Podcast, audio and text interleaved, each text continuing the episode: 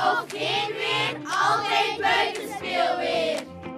Avontuurlijk spelen. Wat is het? Wat is de impact ervan? En hoe kan jij erop inzetten? Wij zijn zes studenten sociaal-agogisch werk aan de Hogeschool Vives.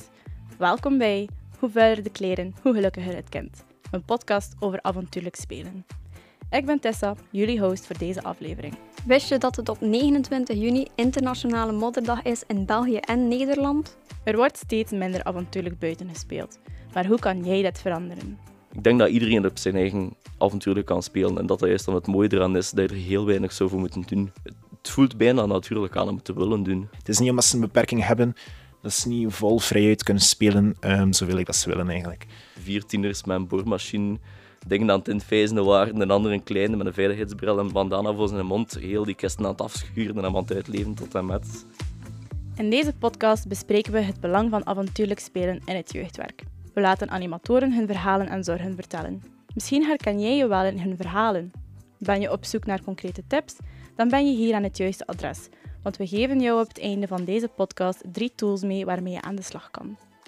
Zonder het zelf te beseffen zijn animatoren vaak al expert van avontuurlijk spelen.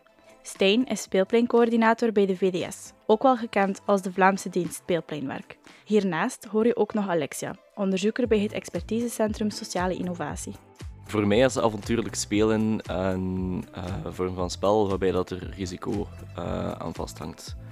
Um, dat kan op verschillende manieren. Dat kan uh, kwetsuren zijn um, of ja, een verkoudheid achteraf door de regen of de modder wanneer je hebt gespeeld. Um, kan zijn dat je uit je comfortzone gaat of dat je iets doet dat je normaal gezien niet zou doen. Maar is ook bijvoorbeeld en grenzen gaan opzoeken. Wat dat kan en wat dat niet mag, wat dat sociaal aanvaardbaar wordt of niet wordt, of dat dat ja, kantje strafbaar is, of of je een gasboete zou kunnen krijgen. Dat is avontuurlijk spelen, dat je dan zo achteraf de reactie hebt van damn, ik wil dat ook doen. Allee, dat klinkt leuk.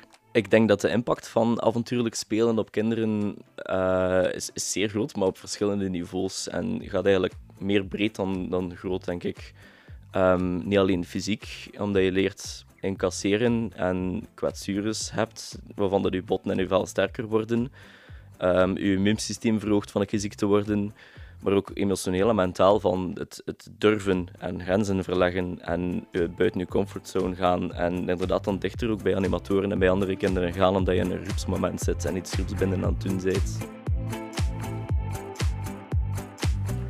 Naar ouders toe dat is, dat is misschien controversieel om te zeggen, maar naar ouders toe denk ik dat dat dan ook goed is, omdat je leert je kind één los te laten en twee, als kind tegen je ouders een beetje op te staan. Om te durven zeggen van, mama, ik durf dat wel, ik kan dat wel, je moet mij vertrouwen. Laat mij een keer los, laat mij een keer doen, laat mij als kind zijn en spelen. Ik kan dat en ik wil dat doen. Ik vind dat dan ook heel goed is en heel straf is. Dat is zo een, een klein beetje zo zachte rebellie, dat je dan mee kunt geven met een klein. Maar dat is ook deel van het leven, want er komt een punt dat je dat moet kunnen loslaten. En ik denk, hoe vroeger dat je dat kan doen, en op een, een meer speelse manier, dat dat meer aanvaard ook kan worden en dat dat minder negatieve indruk heeft. Want bijvoorbeeld, je rebellie als, als tiener dan met harde woorden of je echt gaan verzetten tegen je ouders, dat is hetgene waar we dan op neerkijken en zeggen van dit is pubergedrag en dat is ambetant, hij zit aan het uithangen tot en met. Maar dan omgekeerd als kind durven zeggen van mama, ik kan dat. Ik wil dat doen, dat gaat goed komen. Dat is heel mooi. Ik, vind dat, ik zou dat fantastisch vinden. Als mijn klein later zou zeggen van papa, ik wil dat doen, laat mij doen. Ik ga dat kunnen. En dan ga ik gewoon zeggen, oké, doe hij. En even toekijken of dat ik me ingrepen of niet. Maar dat is, dat is opvoeding, ja.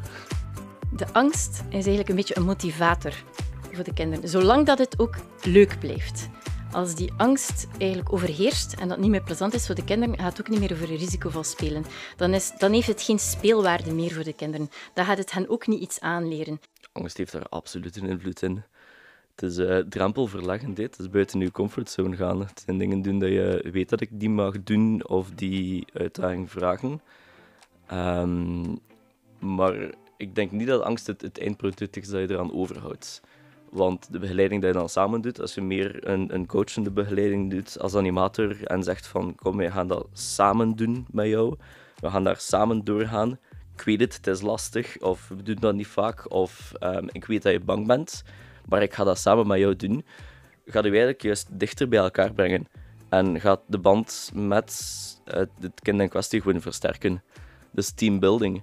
De negatieve ervaringen en de negatieve gevoelens daar samen doorgaan is zeer groepsbindend. En ik denk dat het ook wel voor kinderen dan heel aangenaam is eh, dat die band dan ook juist versterkt wordt. En dat je je animator meer ziet als een, een vriend, een kameraad of ehm, iemand waarmee je goed overeenkomt of naar opkijkt of respect voor hebt, dan gewoon ik ben uw leider, ik geef u activiteiten en ik bepaal de regels van de werking voor u bijvoorbeeld.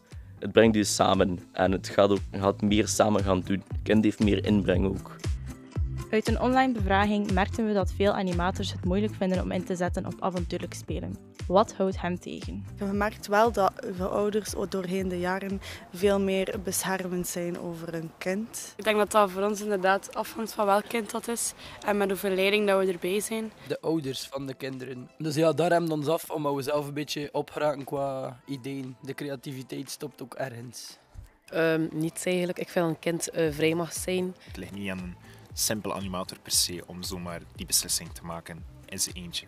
Dat moet je als team bespreken uiteindelijk. Vanaf dat er een kind gevallen is, een blauwe plek heeft, gewoon een schrammetje heeft, dat ouders heel snel de begeleiders gaan aanvallen daarvoor, zonder dat ze eigenlijk het verhaal al weten. Uh, onlangs hadden we een uh, mama die eigenlijk zei dat ze haar kindje niet meer gaat sturen naar de scouts, um, omdat hij altijd uh, thuis komt, super vuil. het is moeilijk om het overzicht te bewaren over alle kindjes. Alle kindjes doen verschillende dingen.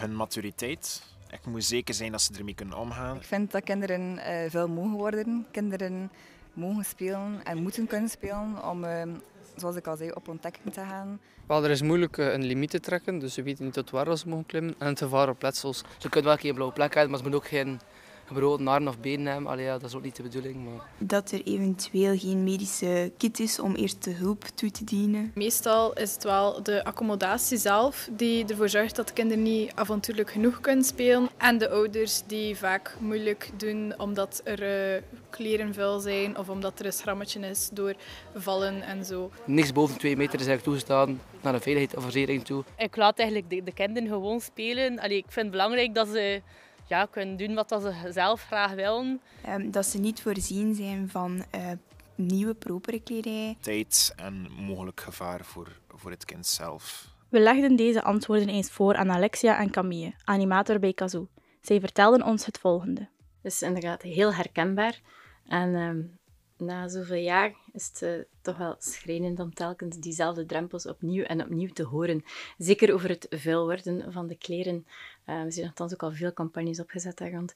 Um, ja, de ouders die eigenlijk de grootste drempel zijn voor monitoren om het zelf eigenlijk aan te bieden. Um, dat is jammerlijk, uh, want het is wel belangrijk dat ze het durven blijven aanbieden. Um, wat hoorde ik daar ook? De omgeving zelf. Dus uh, een aantal of, of monitoren die zeiden van ja, kijk, we hebben eigenlijk niet de, de infrastructuur, de faciliteiten. En daar kunnen we heel gemakkelijk zeggen, ja, kijk, avontuurlijk spelen en risicovol spelen kan op elke plaats. Um, dus we gaan ook veel uh, naar speelplaatsen gaan kijken van oké, wat kan er hier eigenlijk veranderd worden, of niet veranderd worden, van maar aangeboden worden om de speelwaarde eigenlijk op te heffen. En daar zijn die loose parts wel een goed voorbeeld van. Ik denk als we met de kinderen op kamp gaan als animator, dat we minder last hebben van de ouders die gaan klagen van vuile kleren. Ze hebben zoiets van, ga maar een week op kamp en amuseer je maar. Um, maar ik ervaar wel het praktische gedeelte. De accommodatie het moet ook toelaten dat er natuur is en bos. Als je, als je juist met een ruimte zit dat enkel bestaat uit steen, is dat uiteraard wat moeilijker. Wat niet belemmert dat je ook niet op stap kan gaan en een bos kan gaan zoeken of een ander natuurgebied. Maar het praktische gedeelte is, versta ik wel. Het, er, moet er zijn, de accommodatie. Je herkent het waarschijnlijk wel. Je activiteit liep iets uit de hand en de kinderen zijn vuiler dan je had verwacht. Wanneer de kinderen worden opgepikt, krijg je enkele boze reacties van de ouders. Wij vroegen aan Stijn, Camille en Bouke, die alle drie animator zijn, hoe het een effect kan hebben en waarom ouders hun kind niet graag vuil zien. Ik denk dat vooral de invloed heeft op de manier van leiding geven en dat daarin het grote verschil maakt. Um, want iedereen kan avontuurlijk spelen. Er is altijd mogelijkheid. Er is altijd een boom om in te klimmen of uh, een modderpoel om in te gaan rollen, een bos om in te gaan uitleven, uh, een, een, dak om op te klimmen, zo'n dingen. Maar het is de begeleiding voor en na die denk ik vaak het verschil maakt.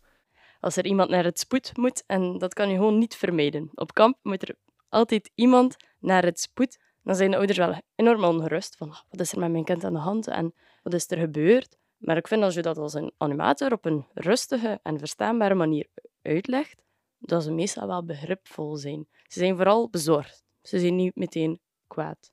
Maar dat zou ons niet mogen tegenhouden om buiten te gaan spelen, want als wij het niet management gaan aanbieden, gaan de kinderen sowieso op hun eigen houtje gaan trekken in de natuur of in het bosjennest, de verblijfsplaats. En hebben ze misschien ook wel blauwe plekken of krassen of vuile kleren. Dus we kunnen dat dan beter maar goed regelen met een tof spel, dan dat ze altijd alleen moeten uh, gaan zoeken. In onze jeugdbeweging merken we dat sommige ouders het niet breed hebben. En dan denk ik dat het ook niet altijd even handig is om de kleren iedere keer, elke week terug in de was te steken nadat ze zijn vuil geweest. Want niet iedereen kan zomaar, heeft zomaar een wasmachine thuis of zo.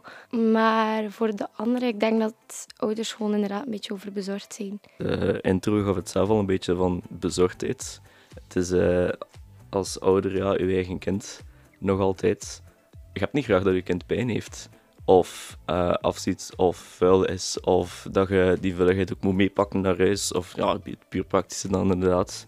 Maar at the end of the day, die gasten hebben er ongelooflijk geamuseerd dan.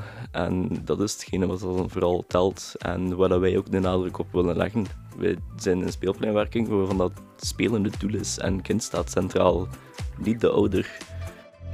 Alexia, Ewoud, animator op Spelenwijs, en Stijn geven nog enkele tips mee over hoe jij de communicatie met ouders kan verbeteren en hoe jij avontuurlijk spelen kan begeleiden. We merken dat bij ouders vooral de, het schrik voor vreemden, met slechte bedoeling, dat dat enorm als, als, eigenlijk als topper uit het onderzoek kwam. En ook de rol van de media. Ja, dus de media die rapporteert over uh, ongevallen, uh, kidnappings uh, enzovoort, of, of, zware letsels, dat dat de grootste drempel is voor ouders. Daarnaast ook hun eigen bezorgdheden of angst of twijfel. sommige ouders vinden ook dat de mogelijke letsels te groot zijn. Dus dat zijn zo de, de core elements, echt de kern drempels voor ouders om avontuurlijk of risicovol spelen toe te laten. Um, en daarbij is het belangrijk om te communiceren vanuit het jeugdwerk, oké, wij letten op de kinderen. Er komen hier geen vreemden, stranger danger.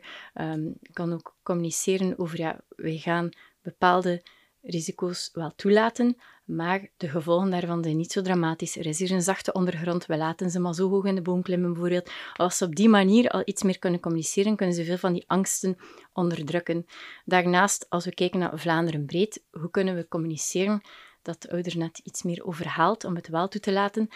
En dat kan een beetje door hen helpen om te denken. hoe kunnen we de klik maken om die focus op die gevaren, op die schrik voor vreemden, stranger danger, hoe kunnen we dat ombuigen? En dan helpt het wel met cijfers. Dus als we soms nog uh, presentaties of workshops of um, lezingen geven, dan gaan we heel vaak die cijfers ook aantonen. Van kijk, de kans op kidnapping is 0,0 zoveel procent. Bepaalde uh, mensen vanuit het werkveld zeggen, ja, die, die telt tot 10. Dat staat er ook ergens van, ja, tel even tot 10. Die zeggen, ja, dat werkt niet voor mij. Tellen tot 10 is veel te lang. Ik tel tot 7 en dat werkt voor mij. Dus voor iedereen zijn er zowel um, manieren om, het, om zelf eventjes eh, af te wachten, te observeren. Belangrijk is om te zien, heeft het kind er nog plezier in? Dus bij het voorbeeld van speelvechten. Um, heeft het kind, of hebben alle kinderen die betrokken zijn, vinden ze het nog leuk? Vanaf dat iemand het niet leuk vindt, oké, stop. Dit is geen risicovol spelen meer, dat is geen avontuurlijk spelen meer, het wordt niet meer plezant voor iemand, dus uh, stek er eruit. Dus dat is wel een belangrijke barometer, hè, dat het nog altijd plezant blijft voor iedereen die betrokken is. Ik zou zeggen, uh, een van de belangrijkste tips is zorg ervoor dat angst u niet tegenhoudt om met de kinderen plezier te maken. Dat is de belangrijkste. Um, je moet je er ook comfortabel bij voelen. Dat is ook belangrijk. Het is niet omdat die ene animator de, kind, de, de, kinderen in de boom laat kruipen, dat jij dat ook per se moet doen. Als je zoiets hebt van, dit is te gevaarlijk, of uh, er, is een, er is een kans dat dat kind met brandwonden uh, gaat zitten bijvoorbeeld, omdat hij een kampvuur leert maken, en je vindt dat hij persoonlijk zelf veel te jong is, en je kan daarvoor inspringen, ja, doe dat dan alsjeblieft. Um, het is niet omdat één iemand het toelaat dat jij het per se moet toelaten, maar wat ik wel zou zeggen is probeer met uw mede-animatoren duidelijke grenzen te maken, duidelijke afspraken te maken, zodat jullie toch op een zeker aspect op één lijn zitten. Um, als een ouder begint te klagen en serieus te klagen van kijk, mijn kind komt hier altijd vuil um, weer weg. Probeer dan vooral heel duidelijk te maken aan de ouder van kijk, ja, dat is nu eenmaal gewoon hoe dat een speelplein of een jeugdbeweging in elkaar zit. En ik zou zeggen, blijf daar rustig bij, probeer dat kalm uit te leggen dus iemand anders uh, begint uit te schieten, dat je dat ook moet doen. En dat gaat een tegenovergesteld effect hebben. Heel vaak geef ik dat ook aan mijn animatoren mee, van ga eens naar dat terrein, bekijk dat eens, probeer eens zelf een paar dingen uit en um, doe een, een risicoanalyse op je eigen. Wat kan er op voorhand misgaan? En wat kan je doen of voorbereiden of meenemen om daarin te gaan compenseren? Al is dat iets heel praktisch, lijkt een draagbare EHBO-kit, of een extra handdoek of een extra deken, of kegeltjes waarbij dat je bepaalde putten of, of stukken boom die uitsteken in de grond wel wilt afbakenen, omdat je dan daarvan schrik hebt als het erover gaat vallen, dat de kwetsuren net iets te groot gaan zijn. Maar zo het, zelf ook het terrein eerst zien en die risicoanalyse gaan uitvoeren. Op voorhand thuis bij stilstaan van ja, oké, wat kan er stilstaan? Of wat kan er mislopen dan liever? Daar gaat denk ik dan het grote verschil maken in de begeleiding. We gingen op stap en spraken verschillende animatoren aan om eens te luisteren wat zij al doen binnen het jeugdwerk rond avontuurlijk spelen. Op de speelpleinwerking hebben wij een timmerdoos en een klimdoos waar dat er allerlei gevaarlijk materiaal in zit, waar dat de kinderen kunnen mee spelen wanneer dat wij erbij zijn. We hebben ook de afgelopen twee jaar risicovol spelenvorming gevolgd. Uh, we gaan vaak naar het bos om kampen te bouwen en de kinderen dan ook in de bomen te laten klimmen. Maar af en toe bouwen we ook een vlot. Dat hoort ook wel bij avontuurlijk spelen op voorhand goede afspraken maken, gevaren al benoemen um, en de kinderen er alert op maken en dan ja, die natuurlijk extra in het oog houden.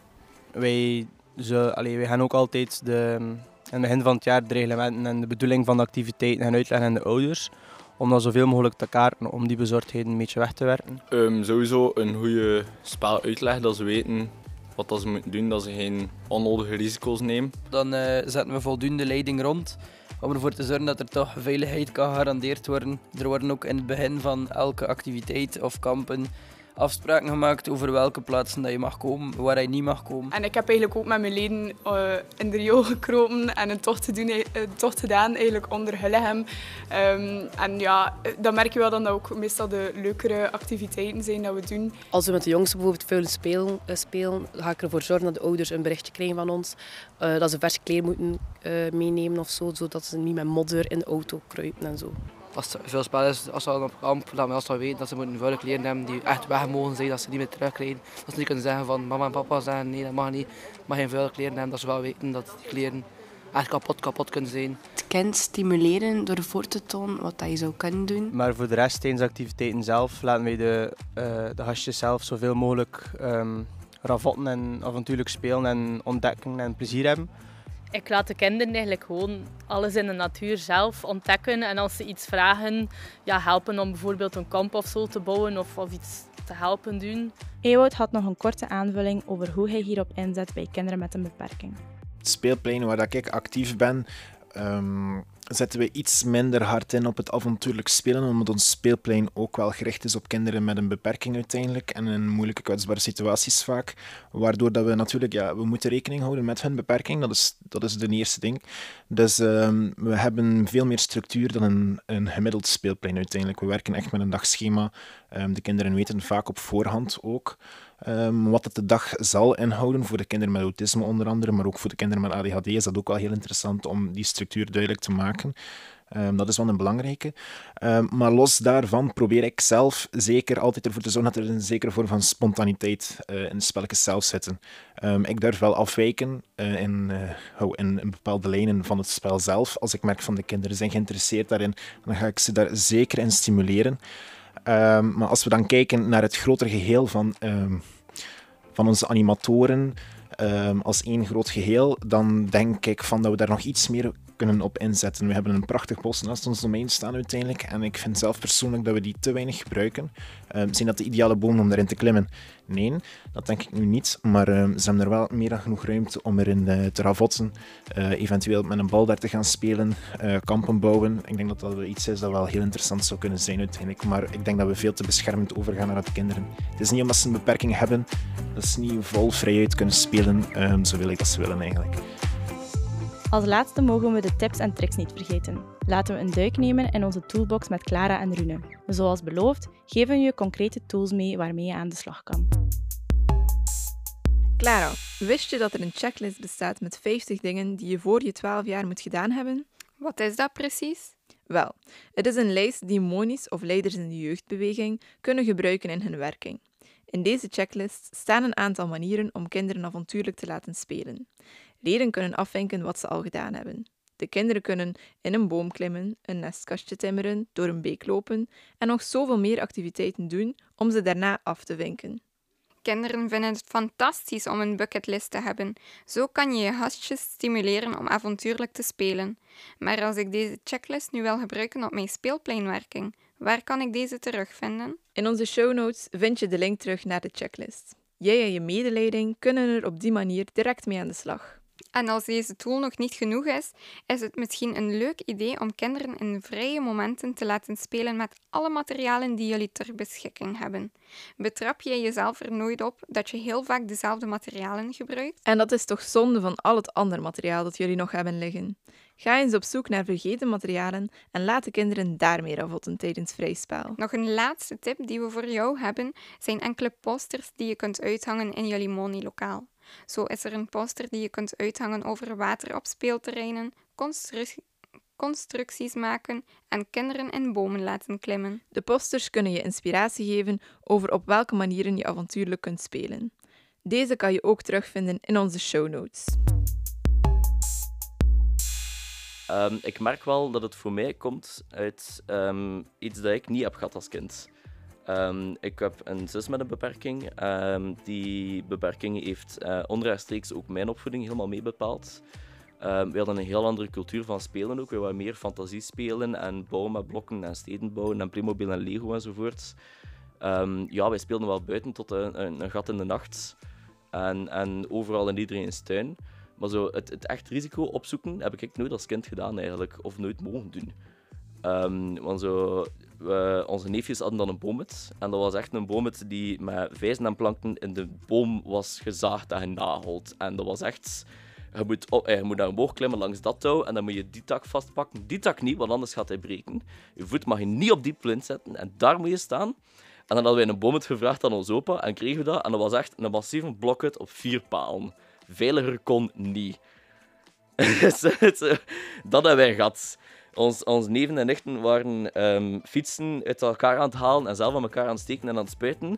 En zo, cool, mogen wij er ook hebben? Ja, hier is een zeer schone plastieken, uh, perfect in orde brandweerwagen als hokar. Alsjeblieft, ga maar gaan spelen. de aanzet was er, maar we hebben het altijd zo in een zachtere vorm gekregen van onze ouders die iets beschermender waren, ook omwille van onze eigen zorgvraag. En dus denk ik daarom dat ik dat nu ook onrechtstreeks dat meer aan aan het vragen ben van mijn animatoren en andere kinderen van zo, doe dat, kom, nu dat je de kans hebt, doen, doen, doen. Haha, spelen, loop tegen de muur, word vuil. We stellen vast dat avontuurlijk spelen heel wat voordelen met zich meebrengt. Er ligt een grote druk op het jeugdwerk om kinderen niet vuil te laten worden, omdat ouders het steeds moeilijker vinden om hun kind vuil af te halen bij de jeugdbeweging of op de speelpleinwerking. Alexia, Ewout en Stijn gaven enkele tips mee over hoe je met de ouders kan communiceren en hoe je avontuurlijk spelen kan begeleiden. Verschillende animatoren vertelden hun verhaal over hoe zij al inzetten op avontuurlijk spelen. Ten slotte kreeg je van Rune en Clara enkele tips en tricks mee om effectief aan de slag te kunnen gaan. Wat je dus zeker kan gebruiken in jouw werking is de checklist. Haal daarnaast eens de materialen uit die je amper gebruikt en hang zeker de posters uit in je monilokaal over avontuurlijk spelen. Dit was de laatste aflevering van onze podcastreeks. We willen Alexia bedanken om haar expertise te delen. Ook bedanken we onze gasten, Stijn, Ewout, Bouke en Camille, om hun verhalen te vertellen. De show notes kan je terugvinden in de omschrijving van deze reeks. Deze podcast werd ontwikkeld in samenwerking met het Vives Expertisecentrum Sociale Innovatie en het Media Lab Quindo. En vergeet niet... Meer of geen weer, altijd